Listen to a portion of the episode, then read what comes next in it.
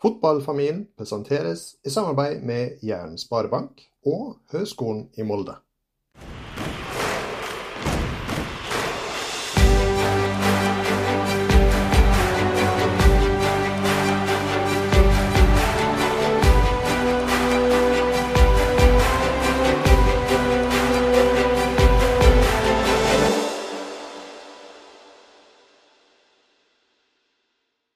Velkommen til Fotballfamilien, en podkast for deg som er glad i fotball. Mitt navn som alltid, og enn så kjedelig som alltid, Anders Solfjell Gjerseth. Og oppe i Molde en mye mer sprelsk og levende Sanna Gjerseth. Ja, riktig. Sprelsk. Det er veldig sprelsk. Du, eh, i dag så har du altså eh, invitert med en gjest som eh, kanskje er litt mer ukjent for det norske fotballpublikummet enn ellers, og som har en sterkere historie enn de fleste andre, nesten de alle vi har hatt, tror jeg. Så eh, hva var det som gjorde at du ble oppmerksom på denne karen? Nei, det er vel eh, på en eh, egen bakgrunnshistorie sjøl som man sitter med, som vi kan fortelle mer om, om seinere, da. Men eh, det er jo en, en jeg visste om helt siden når jeg hørte han signerte for eh, Stabæk når han var 15 år, for, i 2020 tror jeg det, da eh, fikk jeg, eh, ble jeg oppmerksom på, på, hans historie. da. Så da er det altså en, en yngre gjest, som er nærmere min alder enn en din, for en gangs skyld. Du, det var litt lumpent sagt. Du, eh, da skal vi ikke sitte her og smalltalke, vi. Vi skal ønske hjertelig velkommen til deg, Alexander Andresen. Tusen hjertelig takk. Takk for at jeg fikk komme. Du, eh, jeg skal bare liksom si med en gang, vi er veldig stolte av at eh, du faktisk sa vi er den første podkasten du er blitt invitert med i, og nå håper jeg at det kommer til å bli en renn med pågang etterpå. Men ja. eh, vi må liksom introdusere det til eh, det store fotballpublikummet. Hvem er Alexander Andresen? Eh, Alexander Andresen, han er 18 eh, år. Um, spiller nå i Stabekk, uh, men er født og oppvokst i Moss. Spilte i Moss helt til jeg var 15 år, uh, før jeg signerte proffkontrakt i Stabekk. Um, og det er jo litt uh, der jeg er nå, da. Riktig. Er, nå når du sitter og snakker med oss, er du faktisk på landslagssamling? Ja, nå befinner jeg meg i Marbella, faktisk. Så i godværet. Så har en to dobbeltlandskamper mot Tyskland forbereder oss litt inn mot uh, eliterunde og litt sånn diverse før vi skal uh, prøve oss på EM. Ja, og da er det U19? Mm. U19, ja. Stemmer. Ja. Ja, du trengte ikke å skryte av at du faktisk hadde sol og varme, det syns jeg var litt lompent. eh, men uh, hyggelig det. OK, så uh, det er liksom der du er nå i karrieren. Mm. Hvordan er det for en ung proffspiller i Stabæk? Er det en bra klubb å være i? Uh, per dags dato vil jeg si at det er en uh, veldig bra klubb å være i. Uh, litt sånn med det nye apparatet som har kommet inn, med Bob Bradley og Azar og litt sånn som har kommet inn. gode karakterer og gode folk. Føler at treningshverdagen har blitt veldig bra. mye man kan lære av disse, disse karakterene og folkene. Og føler man utvikler seg, utvikler seg på en god måte sånn som det er nå. Mm. Hvordan er Bo Bradley som trener, egentlig? Uh, beinhard. Uh, han er beinhard, uh, men på en god måte. Han mener alltid alt det beste for, for spillerne og det han sier. Um, men han elsker trøkk. Veldig opptatt av små detaljer. Pasninger på riktig fot. hvis det er noe han misliker, så stopper han spillet. Han, han tar deg. Men, eh, men, eh, absolutt en trener som jeg liker veldig godt. Vi, i panelet her, vi er jo Molde-supportere. Og denne sesongen starta jo du faktisk med å få en eh, starter for Stabæk. Og det var jo med å mm. slå ut vår kjære Molde. Hvordan var det å få en Det er vel første sesongen du går inn og får en start med en gang på starten av sesongen. Hvordan, er det vært å få den tilliten fra start? Nei, det var uh, kult. Uh, så vi hadde jo en preseason der uh, som jeg spilte mye i mot slutten. og så får vi også at det kommer til å, kommer til å bli en del spillet i den sesongen som kom. Um, og det å få bekrefta det med å starte kamper som, som du sier, Molde f.eks. Uh, det er veldig kult. Det er god matching. Um, og ja, egentlig bare helt kurant. Mm. Og det er vel kanskje blitt litt mindre spilletid nå siste kampene, da? Hva er, det noen grunn til det? Nei, egentlig ikke noen sånn spesiell grunn til det. Fotball er jo rent, ren konkurranseidrett. Jeg hadde et par kamper med en gang han kom, hadde vel fire hverandre. Eh, og så, og så er det konkurranse. Når en annen kommer inn og gjør jobben sin bra og gjør det bra, så er det naturlig at, eh, at man fortsetter med det laget i en periode. Eh, men så ønsker man selvfølgelig at, at man får noen kamper igjen nå helt på slutten. Mm. Du er midtbanespiller, er det sånn? Jeg var faktisk midtbanespiller, men nå er jeg blitt omskolert til venstre wingback, eller venstre back, som vi skulle med nå, da, med fire bak. Ja, på landslaget òg? Ja, så jeg er venstrefot, da. Ja. Hvordan, mm. Eh, hvordan, har den omstillingen vært? Er det på en måte en omskolering du er ganske komfortabel med og ser du kan satse og nå lenger i, eller er du fortsatt litt sånn at du leter etter beste posisjon? Nei, altså jeg må jo innrømme å si at eh, jeg var ikke helt happy helt i starten der. Jeg var ikke helt fan av å få liksom uh, den beskjeden at uh, han hadde lyst til å prøve meg som venstreback. For det var liksom ikke noe jeg hadde sett for meg egentlig, og følte at jeg var en, en midtbanetype. Uh, men så jeg, forstår jeg det også på en måte med at jeg har et venstrebein som, som de syns er bra. Uh, og jeg føler at jeg har tatt den venstreback-posisjonen nokså greit. Og har satt meg inn i det nå. og uh, selv om jeg liker å kalle meg selv en midtbanespiller, så må jeg vel si at jeg er en venstreback-spiller sånn som ting er nå, eh, så vet man jo aldri i fremtiden eh, om man får komme tilbake til midtbanen litt, eller eh, hva som skjer. Så det er bare egentlig å vente og se. Du har jo god tid, i hvert fall. Ja, da. Du, vi skal bevege oss litt inn i dagens første spalte, som skal handle om relasjoner. Spalten presenteres i samarbeid med Jæren sparebank. Det er som vi sier det på Jæren, det er jabbene som drar. Når jeg har et standard Vi tilpasser eh, til hver enkelt gjest, men vi har et standard inngangsspørsmål. Eh, hva tenker du på når du hører ordet relasjoner? Relasjoner. Umiddelbart så tenker jeg litt sånn relasjoner først og fremst med familie. Relasjoner med trener, agent hvis man er det. relasjonen mellom landslag og klubblag. Um, relasjon med trener, lagkamerat. Um, ja, sånn. Mm.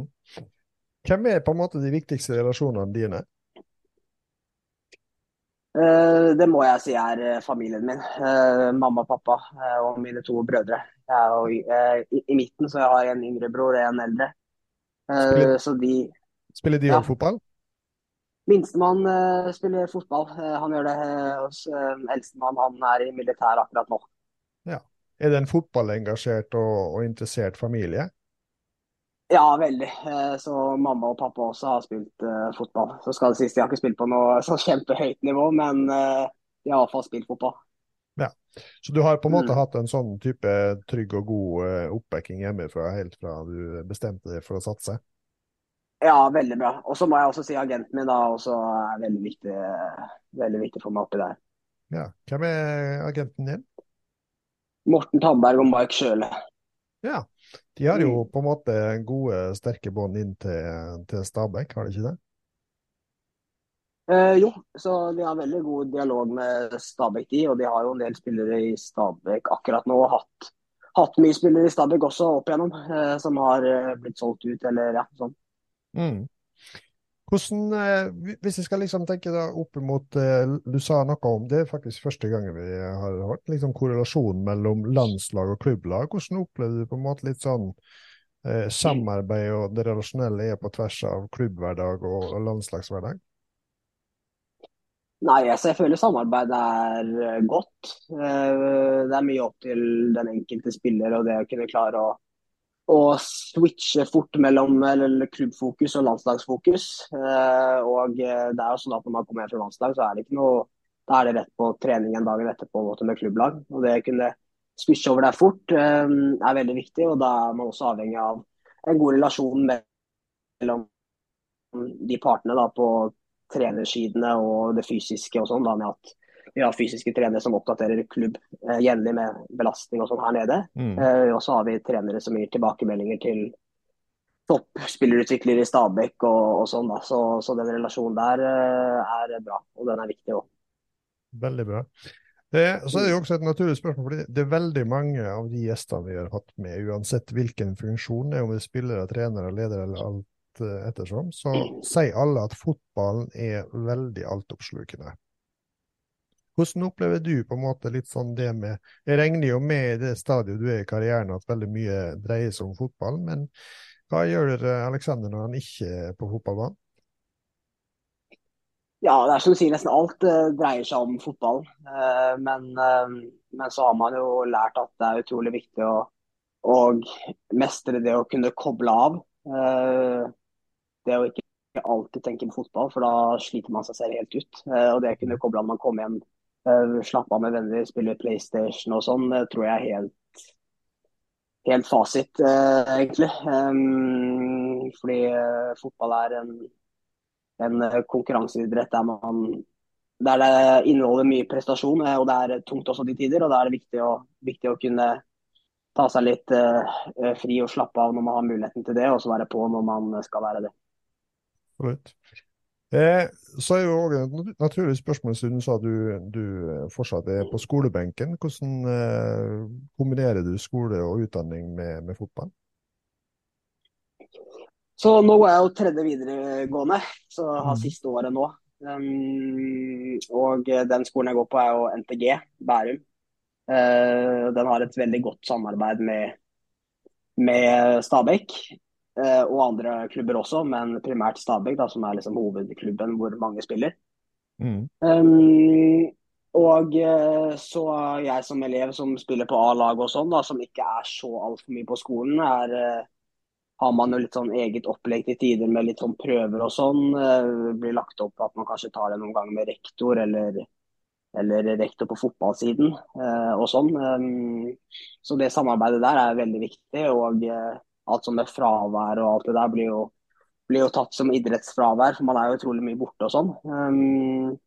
Så, men så krever det selvfølgelig mye av den enkelte person òg, det at man klarer å legge ned litt sånn arbeid når man kommer hjem fra trening og litt sånn diverse òg, da. Mm.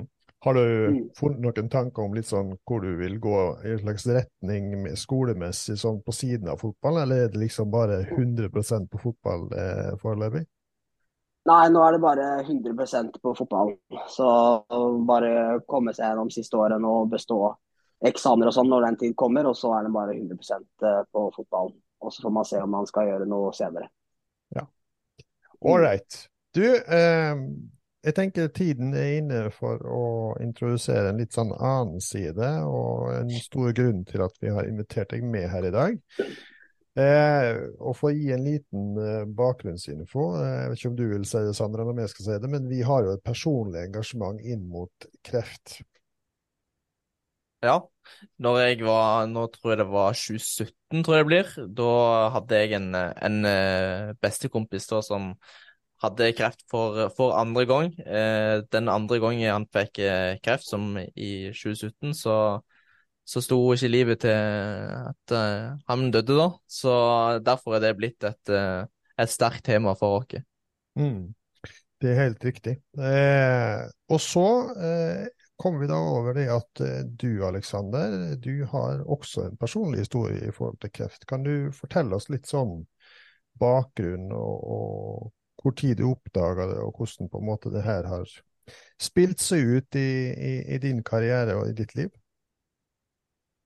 Ja, øh, så alt dette startet jo med at øh, det var når jeg spilte i Moss at jeg hadde utrolig mange fotballkamper og sånn hvor jeg endte opp med å kaste opp og mye magesmerter og sånn etter, etter hvert trening og, og, lå lenge og bare vred meg i store smerter, egentlig. Um, Hvor gammel var du? Hvor gammel var du da?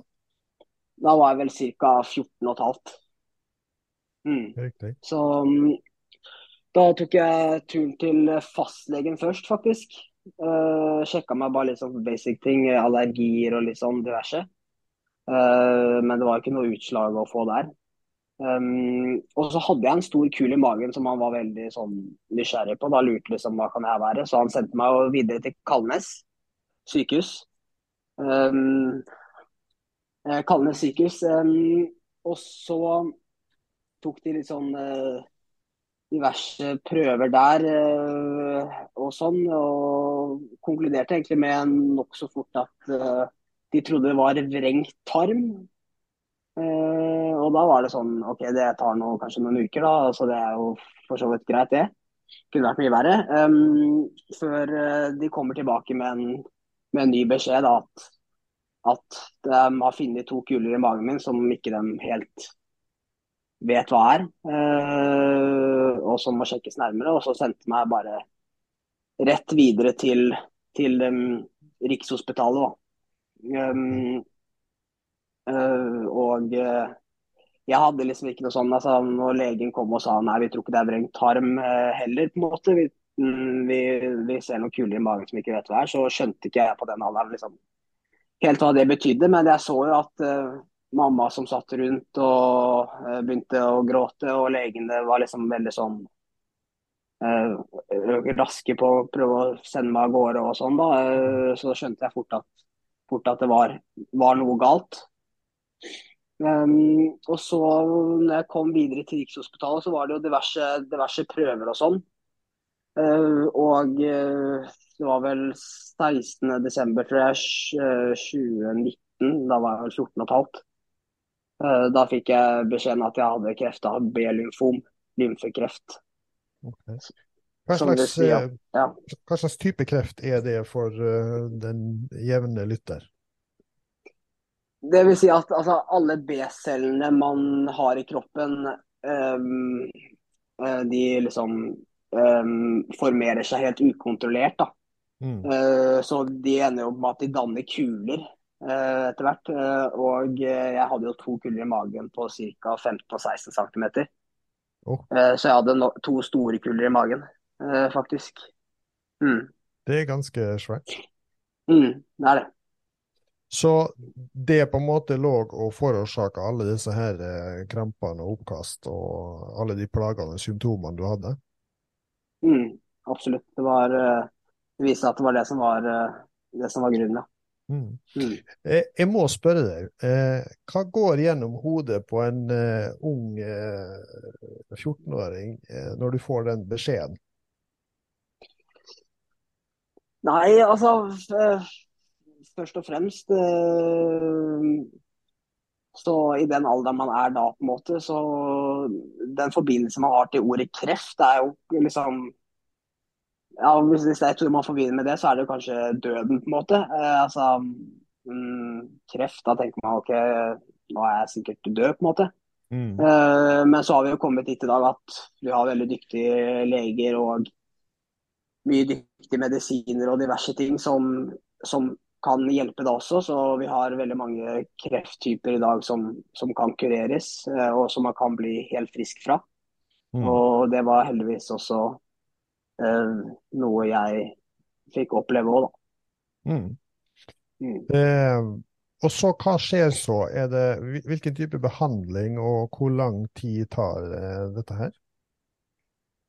Så det første jeg gjorde, var å starte med haugevis av diverse cellegiftkurer. Uh, husker jeg ikke akkurat hvor mange, men det var jo i hvert fall haugevis. Um, så drev jeg med cellefuel og var litt sånn av og på. Jeg tror det var en fem runder jeg var da.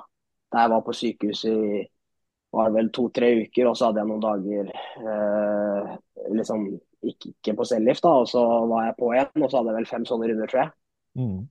Um, og så var det vel i noe sånn Hadde jeg en kontroll igjen, en sluttkontroll i mai 2020, tror jeg kanskje det var. Uh, der jeg hadde fått beskjed at, altså, at man mulig var frisk igjen, da, på en måte, eller ferdig. Mm. Uh, det var i mai 2020. Um, men når jeg tok MR da, så, og CT, så viste det seg at uh, altså, det hadde vokst en ny kul frem. da. Uh, så da jeg trodde jeg var frisk, så hadde det kommet enda en kul. da. Mm. Så da hadde ikke den uh, Cellegiften hadde minska de kulene i stor grad, men de hadde ikke klart å, å ta dem helt.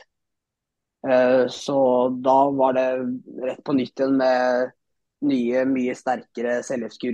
Um, jeg åpnet også et uh, studie som heter CAR-T, uh, der man tar ut T-celler av kroppen sin. og De sendes vel til Tyskland eller Nederland eller et eller annet sånt, og opplæres i å komme tilbake i kroppen igjen og drepe alle de onde B-cellene.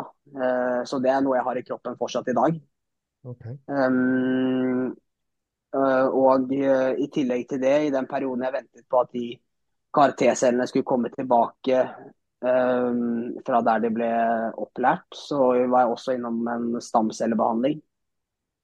Uh, som jeg vil si kanskje var det tøffeste jeg var gjennom, gjennom alt det her, på en måte. Uh, mm. så, så, det var Det var veldig tungt, den stamcellebehandlinga. Jeg lå vel i hvert fall en måned i strekket i isolasjon, eh, der jeg ikke klarte å røre på meg i det hele tatt. Um, Kasta opp bare jeg rørte meg opp fra senga, liksom. Um, og uh, hadde en gjennomsnittspuls på 180 når jeg lå og sov. Uh, så, og det hadde jeg i mange uker i strekk. Så så det var, det var helt uh, på grensen, faktisk. Så det var definitivt det tyngste med hele den behandlingen her. Mm. Det høres mildt sagt jævlig ut, om jeg skal få lov å bruke et uttrykk som det. altså.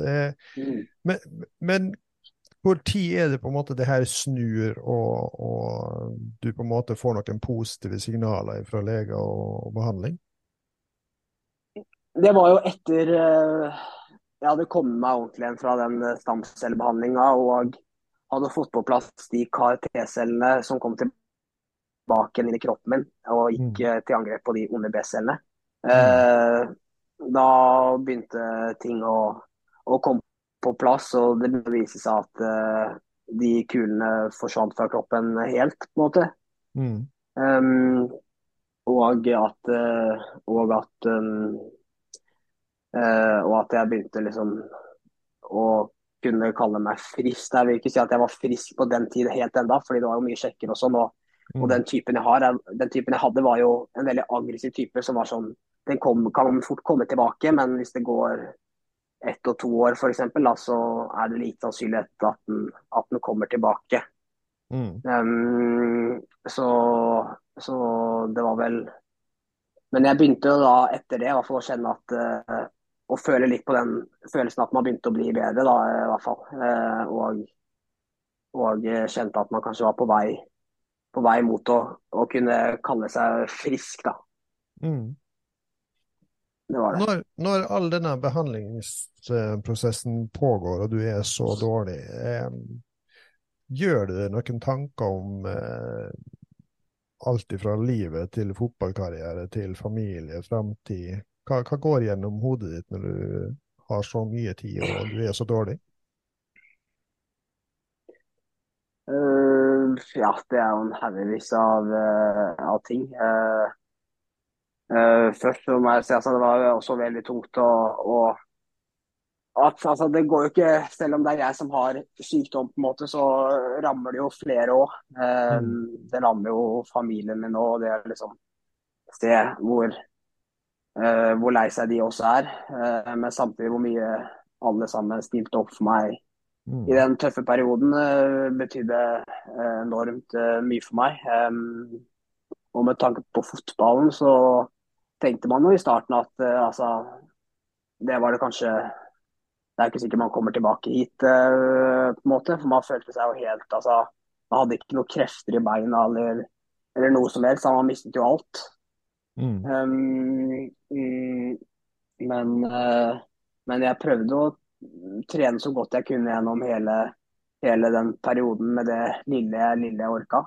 Mm. Uh, og uh, så kom man selvfølgelig styrket gjennom alt det her når man ser tilbake på det mentalt. og det å få et litt sånn annet syn på livet og reflektere litt over hva som faktisk er eh, viktig her i livet, og litt hva som er småting som egentlig ikke er vits å irritere seg så veldig mye over. Som man kanskje irriterte seg over mye før, som man ikke gjør nå lenger. da. Eh, så, så det er noe man har tatt med seg, tatt med seg videre, i hvert fall. Men da må jeg nesten spørre litt. Du ble kreftfri i august, kan det stemme? Uh, ja, i de- desember eh, liker jeg å si at eh, det Oi. var da jeg Siste, det var da jeg var okay. på den sjekken og fikk okay, Ja. slutt, da. ja. Mm. ja. Uansett, ikke mange måneder etterpå så signerer du Mm. proffkontrakt med, med Stabæk. Hvordan er det mulig? Mm. Nei, det er et godt uh, spørsmål. Uh, jeg tror uh, Stabæk hadde meg Hadde sett meg før det her òg, på en måte. og var klar over hvem jeg var. Um, og så var det jo begrensa. Så jeg prøvde å trene så mye jeg kunne gjennom den perioden her, men det ble jo begrensa.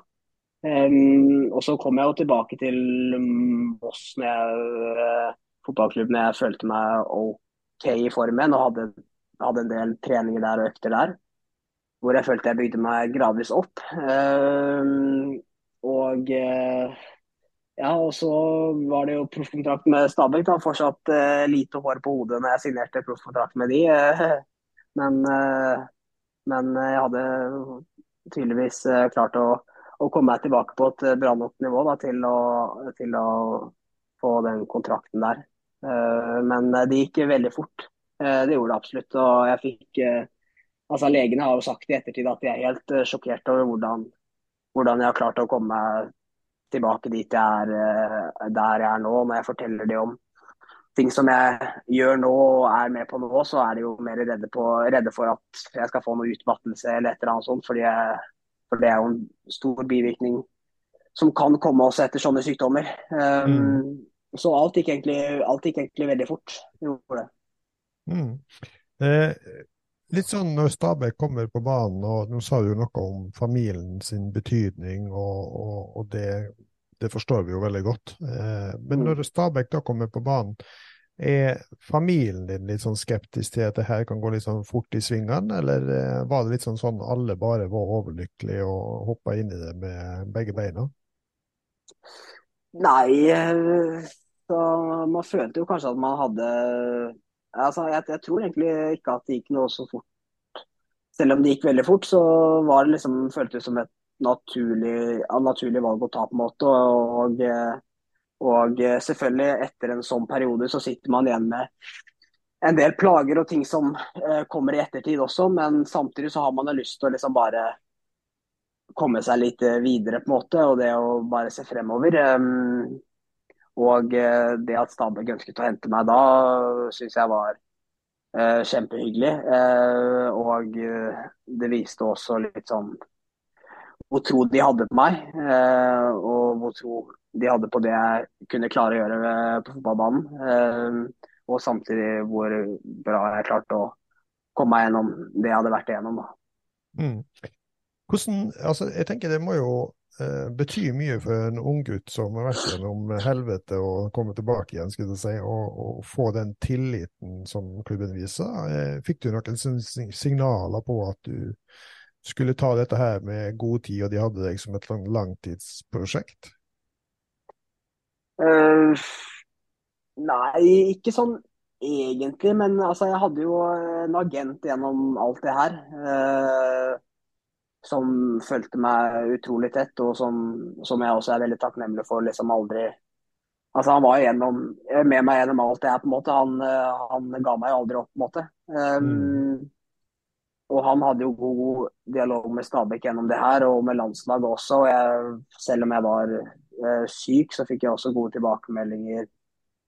Til og med fra landslag, at jeg liksom bare måtte ta meg god tid og komme til å komme tilbake eh, hit, liksom. Um, så det også har vært uh, betydd mye for meg å kunne liksom få, få de små beskjedene og sånn underveis. da. Eh, det også har gitt sånn mye motivasjon til å liksom OK, nå skal jeg komme tilbake, og jeg skal komme tilbake sterkere enn der jeg var. nå. Når du sier det at eh, de gir tilbakemelding på du må ta den tid du trenger, osv. Er det sånn at eh, du klarer å slappe av mer da, eller hvordan, hvordan er det, tenker du at du har god tid, eller stresser du kanskje litt på det om med å komme tilbake? Eh, man stresser selvfølgelig med det, for man vil jo selvfølgelig komme tilbake så fort som mulig. Mm. Men, eh, men samtidig så må man se sine begrensninger litt i den situasjonen man er i. Eh, og jeg var såpass dårlig i store deler av den perioden her at, at jeg skjønte at ok, dette kommer til å ta litt tid også, på en måte. Det er ikke bare å gå ut herfra og så er man tilbake igjen. Fordi kroppen blir svekka og du blir svekka og du kjenner deg mye svakere enn du var tidligere. Eh, og når man sliter med å gå fra senga til doen og tilbake, så, så er det en vei å gå for å komme seg tilbake. Eh, så selvfølgelig så stresser man på noen måter, men eh, samtidig så var det bare å ta det litt, ta det litt med ro og bruke den tiden man, man trengte for å ikke dra på seg for noe f.eks. sånn uh, utmattelsessyndrom eller et eller annet uh, sånn i tillegg. Ja. Noe jeg lurer veldig mye på, det er hvordan er relasjonene til spesielt lagkamerater og sånn uh, vært gjennom denne tida? Har det endra seg noe på noen måte? Fått mer respekt eller lignende? Uh, jeg tror eh, de lagkameratene jeg har, er uh, veldig klar over hva jeg har vært igjennom. Uh, og, og har også stor respekt for det jeg har vært igjennom. Det tror jeg absolutt. og, og man føler jo også gjennom den perioden at man har blitt mer voksen, og det tror jeg også de på laget syntes og ser òg, på en måte. Um, og uh, ja, uh, jeg vet ikke hva mer jeg skal si på det, på en måte. Er, ja, jeg tror uh, som jeg sier at jeg tror de har stor respekt for det jeg har vært igjennom, på en måte. Men, men samtidig så håper jeg egentlig ikke at de sitter og tenker på det heller på en måte når vi snakker sammen og sånn. Uh, og uh, som jeg har sagt tidligere, altså man har lyst til å bare liksom komme seg litt komme seg litt videre også. Uh, ja. Kjenner liksom på det da, at du, du, du, vet på en måte at du har den respekten for lagkamerater i bånn, men at du mm. egentlig ønsker å bli definert noe annet enn bare den som har hatt kreft, liksom? Ja, Uh, absolutt. Uh, mm. men, men, selvfølgelig så har man jo vært gjennom det man har vært gjennom. Og, og Det er naturlig hvis folk spør og, og, og sånn. Um, og har noen spørsmål rundt det og sånn. Uh, men så handler det bare om å finne litt den, den balansen med å, mm. med å, spørre litt og snakke om det litt, men samtidig, samtidig komme seg videre og ikke være noe annerledes. Da, på en måte. Mm. Eh, mm. vi skal bevege oss over i neste spalte straks. Et spørsmål til. fordi eh, Vi hører jo mye dritt om eh, agenter og agentbransjen osv. i media. ikke sant? Eh, det mm. høres jo ut for meg som at du har hatt en agent som ikke bare på en måte har hatt en eh, klient, men at den i stor grad egentlig på en måte har vært en stor menneskelig ressurs og, og, og viktig relasjon for deg i en vanskelig tid. Ja, eh, helt eh, klart. Gjennom den sykdomsperioden jeg var gjennom, så så jeg nesten ikke så mye på han som agent heller. på en måte. Da følte jeg han var der virkelig for å, for å hjelpe meg og backe meg og komme gjennom det her. Um, og ikke noe annet enn det. Um, og jeg setter stor pris på at han har vært med gjennom alt, alt det han har vært Eh, gjennom meg nå. Og jeg føler at han har hjulpet meg eh, i stor grad til å ta, ta mange riktige og gode valg eh, senere i den tid, helt frem til nå også. Mm. Og her jeg er i dag. Så han har vært Eller han og de har vært enormt viktige for meg. Absolutt. Mm. Veldig fint å høre. Vi skal mm. bevege oss litt over til neste spalte, som skal handle om motivasjon og utvikling. Spalten presenteres i samarbeid med Høgskolen i Molde. Det første naturlige spørsmålet å stille i så måte er selvfølgelig eh, Hva er det som på en måte liksom klarer å være den der motivasjonsdriveren, da? Du, ikke sant? Du, jo, du, du, kjemper jo egentlig mot døden, vi må jo være så ærlige og si det som det. Eh, og, mm. og vinne og komme tilbake igjen, ikke sant. Det, er det på en måte denne drivkraften til å på en måte liksom komme tilbake til livet, komme tilbake til fotballen, holder det det ekstra opp i en sånn situasjon? Ja, det vil jeg absolutt si. Det, å, det, å, ha den motivasjonen og kunne komme tilbake og bevise for seg selv, og, uh, og ikke minst andre som, som, er igjennom eller kommer til å komme igjennom sånne ting, eller noe lignende. sånne ting som jeg kanskje har vært igjennom. og mm. vise at, og vise at det håpet går ikke altså Håpet er der fortsatt, måte, selv om, selv om du opplever noe sånt. Uh, muligheten for å komme tilbake er fortsatt, fortsatt der. Og, og man, må bare, man, må bare, stå på, på en måte. Mm. Hvordan tror du på en måte det her har påvirka sånn utviklingskurven din? Tror du det har satt deg mye tilbake i forhold til hvordan det hadde vært hvis du ikke hadde blitt syk, eller tenker du på en måte at det har påvirka deg i mindre grad enn den skulle tro? Eh, jeg tror absolutt at det har påvirka meg i stor grad eh, og satt meg tilbake en god del. Det tror jeg, for jeg vil jo Jeg mista jo sikkert eh, to år av fotballen med det her før jeg var tilbake igjen ordentlig. Mm. Um, og nå er jeg 18, på en måte. Um, og, så jeg, så jeg føler absolutt det satte meg satt meg tilbake sånn sett. Men som jeg nevnte tidligere også, så har man jo kanskje blitt mye sterkere mentalt òg, på en måte. Men sånn fotballmessig så så satt jo meg satt jo meg mye tilbake. Mm.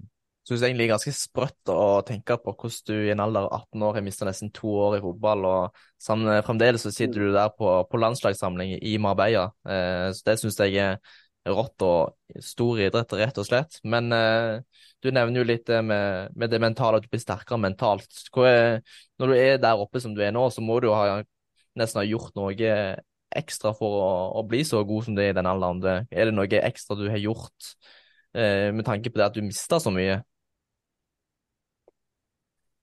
Eh, det er jo bare eh, Det ene kjedelige svaret er det å bare trene mye. Uh, Um, noe annet som er veldig viktig, er å, å, ha den leken over seg hele tiden. Uh, og det alltid, alltid ha det gøy. Uh, for jeg tenker når man har det gøy, da har man også krefter til å trene mye mer òg. Um, så, så, det er egentlig bare mye hardt arbeid som er lagt ned. Og, og, og så for å komme dit man er i dag, så må man også ofre utrolig mye. Eh, samtidig som man får utrolig mye også, som f.eks. her jeg er i dag på en måte med å være på landslagssamling i Marbella. Um, så, så, så, det en, så, det er en, stor ofring man gjør, på en måte, samtidig som man får mye goder tilbake òg. Um, ellers er det bare, ja, som jeg sa, hardt arbeid og og ha riktige og gode folk uh, rundt seg. Uh, som presser deg på, på riktig måte, eh, samtidig som man, de presser deg klokt. Um, og så er det veldig viktig at man har lyst til å gjøre dette selv òg, At man alltid har den motivasjonen til at OK, dette har man lyst til å gjøre, og at ikke det er Altså, det er du, Til slutt er du selv som har lyst til å gjøre det her. Det er, det er ikke at de andre skal presse deg til å gjøre dette. Dette må man jo ønske selv hvis man skal klare å, klare å nå et høyt nivå. Du nevnte jo det med det du sa tidligere om at du fremdeles hadde noe igjen i kroppen. Jeg vet ikke hvor mye det har i sammenheng med spørsmålet mitt nå, men er det noen eh, spesielle hensyn du må ta i, i din fotballhverdag nå, etter, etter, det som skjedde? Um, nei, ikke noe sånn Altså, jeg har jo de KRT-cellene som jeg nevnte fortsatt i kroppen, og de kan være borte i morgen, og de kan vare i ti år til. Um, så der fyller jeg på med noen sånn immunglobuliner, uh, som i korte trekk er immunforsvar. Uh, en gang i måneden på sykehuset, så det gjør jeg nå. En gang i måneden. Um, for å holde immunforsvaret mitt oppe. Og det svekker, svekker meg jo på en måte uh, Altså, jeg er jo en del syk. nå nylig sliter jeg med en del bilbetennelser. Jeg opererte jo bilene mine tidlig i år, bl.a. Eh, for jeg hadde helt tette biler og bilbetennelser hele tida. Og nå har jeg fått det litt tilbake igjen nå, så jeg skal operere nå i slutten av eh, desember eller starten av januar på nytt. Um, så, så, sånne plager uh, sitter man jo uh, selvfølgelig igjen med. Og, uh, og det er selvfølgelig tungt å gå rundt og spille med tette biler og bilbetennelse. Men, men så med tanke på direkte hensyn man må ta i forhold til fotballen, så er det egentlig ikke så mye sånn, sånn direkte med alt det her sykdom og sånn, er du noe Du er jo uten tvil en, eh, en spiller som er på vei opp og fram. Og etter hvert som du utvikler, utvikler deg, så kan det jo fort bli at du, du havner utenlands. da. Er du noe nervøs for, hvis du en gang skal havne utenlands, at det kan være noe trøbbel med, med alt det med sykdom og, og det her fyllingen som du, som du nevner? Uh, nei, ikke egentlig. Uh, nå håper jeg å få ordentlig orden på det her før jeg eventuelt, uh, før jeg eventuelt drar, drar noe sted. Og uh, nå skal jeg også etter hvert begynne å gjøre de greiene jeg gjør på sykehuset hjemme også. Uh, fordi det, der også utvikler sykehuset seg stadig, og man kan etter hvert begynne å gjøre disse tingene hjemme. Og man Eh, altså Med tanke på utlandet og sånn, eh, så tenker jeg ikke noe sånn tenker jeg ikke noe sånn spesielt på det i forhold til sykdommen, egentlig. Jeg tror det hadde løst seg egentlig eh, seg egentlig bra. Og jeg hadde jo, hadde jo nå også, før jeg signerte med Stabæk, en mulighet til å dra, dra til utlandet og på en måte, og da var ikke det noen sånne store faktorer som jeg tenkte så mye over. Nei. Jeg har jo lest at du var invitert på treningsopphold i Leeds, stemmer det? Ja. Jeg var invitert på et treningsopphold i Leeds, ja. Eh, akkurat nå husker jeg ikke når det var. Eh, men eh, jeg husker i hvert fall at jeg ble invitert, invitert bort dit, så det var veldig, veldig stas. Mm. Er det sånn, for Du sier noe om at du hadde muligheten utenlands, men er det sånn da at når du nå har du vært gjennom en ganske tøff eh, prosess, du har familien din i nærheten, og du er liksom hjemme, med spiller en rolle da på en måte å velge litt sånn trygge, gode omgivelser her hjemme, eh, først og fremst? Uh, ja, det spiller jo selvfølgelig noen rolle. Uh, men samtidig så føler man seg også klar for å uh, Hadde man også følt seg klar for å gjøre um, det neste steget også, på en måte. Men så har man jo litt sånn Man har jo også Nå som vi har fått uh, Eliteserien har blitt et bra nivå. Mm. Kommet seg og bygd seg mye opp. og jeg hadde veldig tro på det Stabæk skulle gjøre fremover. Og hadde veldig tro på at jeg kunne utvikle meg, utvikle meg godt her videre. Mm. Um, med gode spillere rundt meg, gode trenere og et bra apparat. Um, Eh, samtidig som jeg har eh, siste, år på, eller siste halvåret nå på skolen som man uh, vært greit å bare bli ferdig med. Mm. Um, også litt sånn de små problemene som jeg nettopp har snakka om, bare bli kvitt i ordentlig 100 òg. Mm. Uh, men, uh, men, jeg føler absolutt jeg tok riktig valg og har utvikla meg godt her i Stabæk. og, og jeg føler at jeg har hatt en fin periode egentlig her nå i det siste. Mm. Hvor lang kontrakt har du? ut 2025. Ja, så da har du på en måte mm. en uh, god tidshorisont å få rydda alt på plass før uh, utlandet kaller. Ja da, det har jeg. Du har iallfall en bra trener og uh, en, en dyktig referanseramme. Jeg har lyst til å på en måte litt sånn, bare, Jeg skal ikke gå tilbake igjen, men jeg bare spør et lite oppfølgingsspørsmål. For du snakket om det med at du har blitt mentalt sterkere. Eh, har du hatt mye oppfølging sånn mentalt eh, i, rundt og etter behandling? Um, jeg har hatt uh, utrolig mye muligheter til å få mye større oppfølging til det enn det jeg har hatt selv. Mm. Eh, og sykehuset har mas, nesten mast meg med, med sånn, fordi de har diverse psykologer og sånn uh, mm. også på sykehuset som man får tilbud om sta, stadig, på en måte. men som jeg også syns er veldig bra av dem, og som jeg tror er veldig viktig også. men Eh, personlig så har jeg ikke følt et behov for det. Eh, og det tror jeg er veldig individuelt. Eh, og jeg har egentlig ikke følt et behov for det. Og det er nettopp fordi jeg følte at jeg har hatt så gode folk rundt meg eh, fra før, som familie og sånn som jeg nevnte tidligere. Eh, Mm. Så jeg har liksom følt at det er de jeg har lyst til å dele tingene med, og egentlig ikke har følt et så stort behov for å, å snakke med noen andre, selv om jeg tror det er enormt viktig eh, også. Og noe jeg også, sånn som i klubblag òg, ønsker at man skal ha i hvert eneste klubblag òg. Noen eh, som styrer det mentale også, som, som jobber rundt klubb. For det tror jeg er eh, veldig viktig når man driver med den idretten vi gjør. Mm. kan jo bekrefte det siden jeg jobber med det sjøl, at det, jeg tror det, Mm. det, vik, det viktigste er at en på en måte har noen en snakker med som en kjenner en har tillit til, og som en kjenner seg komfortabel med å snakke med, mer enn at det må handle om at det skal være den ene eller den andre profesjonen. Så, så lenge du har et Ja. godt apparat rundt det, så tror jeg du, du er i gode hender. Men eh, siste, siste spørsmål i forhold til mentale, for du, du nevner litt om det sjøl. Har dere tilbud om mental trening i Stabekk? Eh, I Stabekk akkurat eh, nå så har vi ikke det. Eh, vi hadde det, eh, men eh, akkurat hvorfor vi ikke har det nå, det er jeg litt usikker på. Det kan ha eh, noe med det økonomiske eller et eller annet sånt. Eh, men akkurat nå så har vi det i hvert fall ikke, men vi hadde det tidligere. Mm.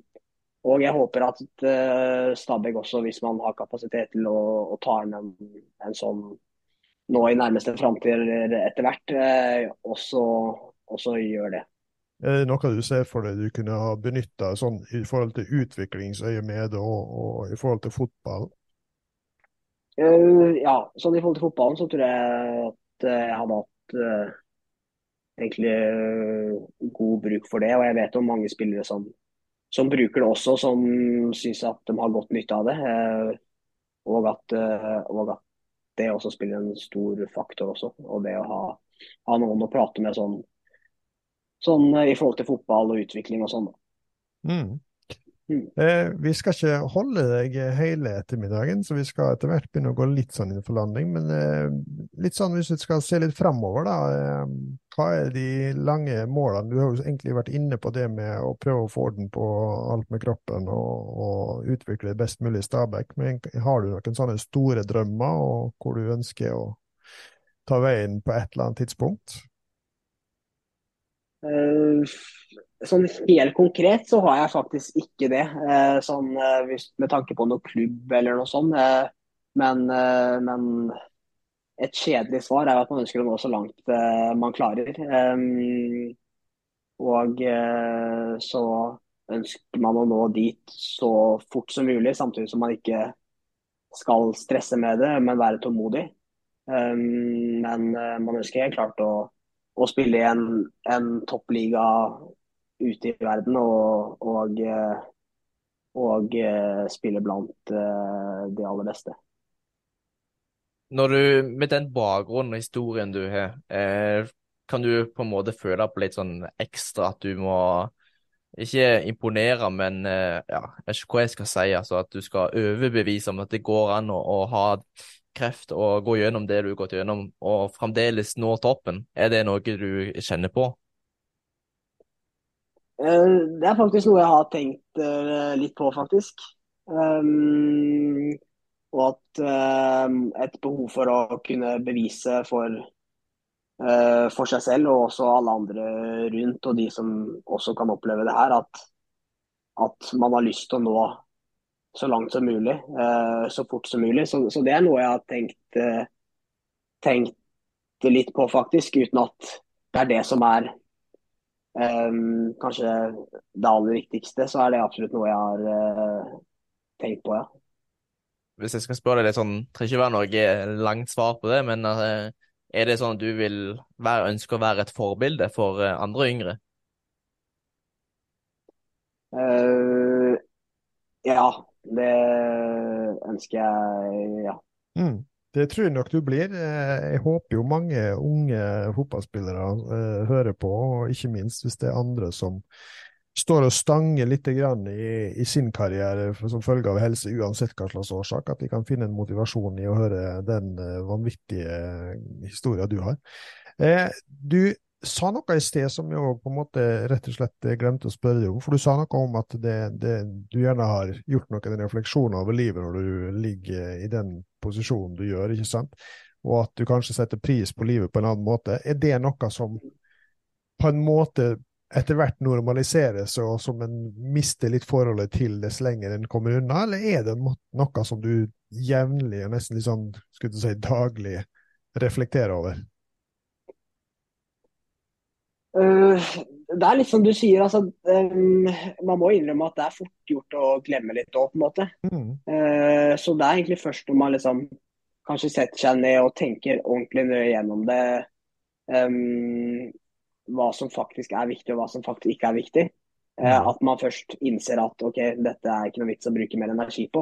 Men akkurat der og da i øyeblikket så er det kanskje noen ganger litt, uh, litt fort å glemme. Det tror jeg absolutt uh, det er. Og det tror jeg som du sier normaliseres etter, etter hvert år, på en måte, samtidig som man alltid har det i bakhodet. på en måte. Um, men, men når man først setter seg ned og tenker på det, med tanke på hva man har vært igjennom, hva som man var igjennom, uh, så, så klarer man jo å se, se, det store bildet på det.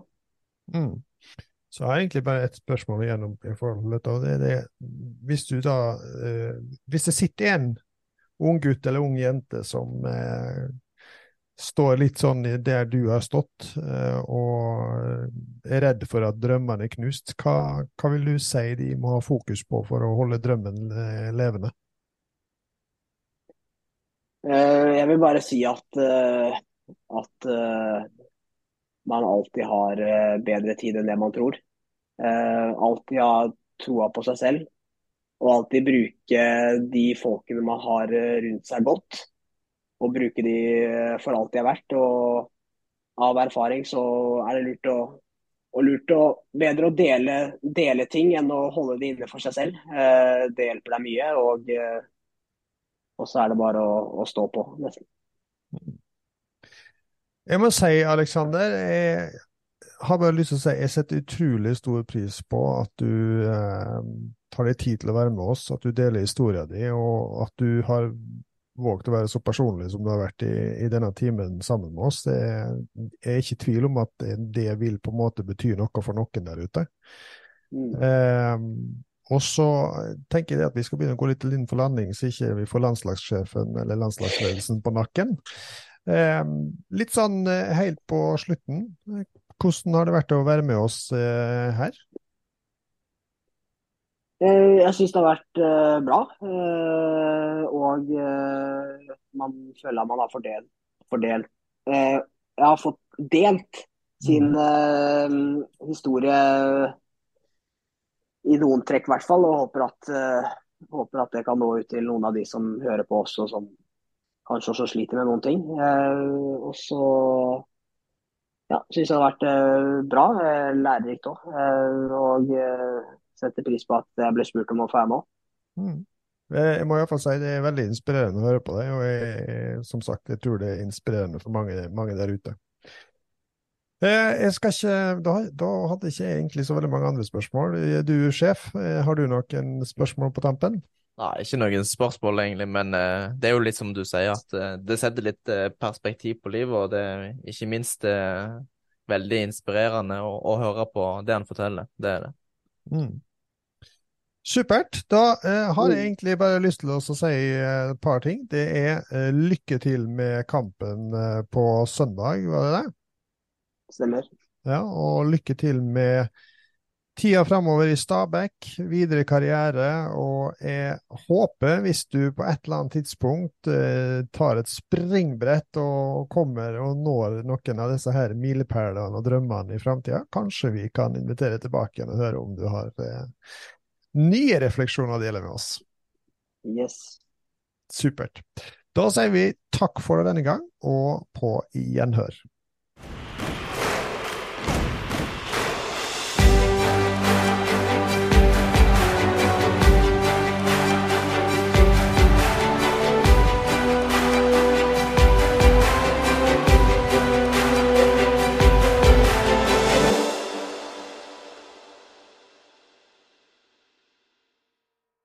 Fotballfamilien ble presentert i samarbeid med Jæren Sparebank og Høgskolen i Molde.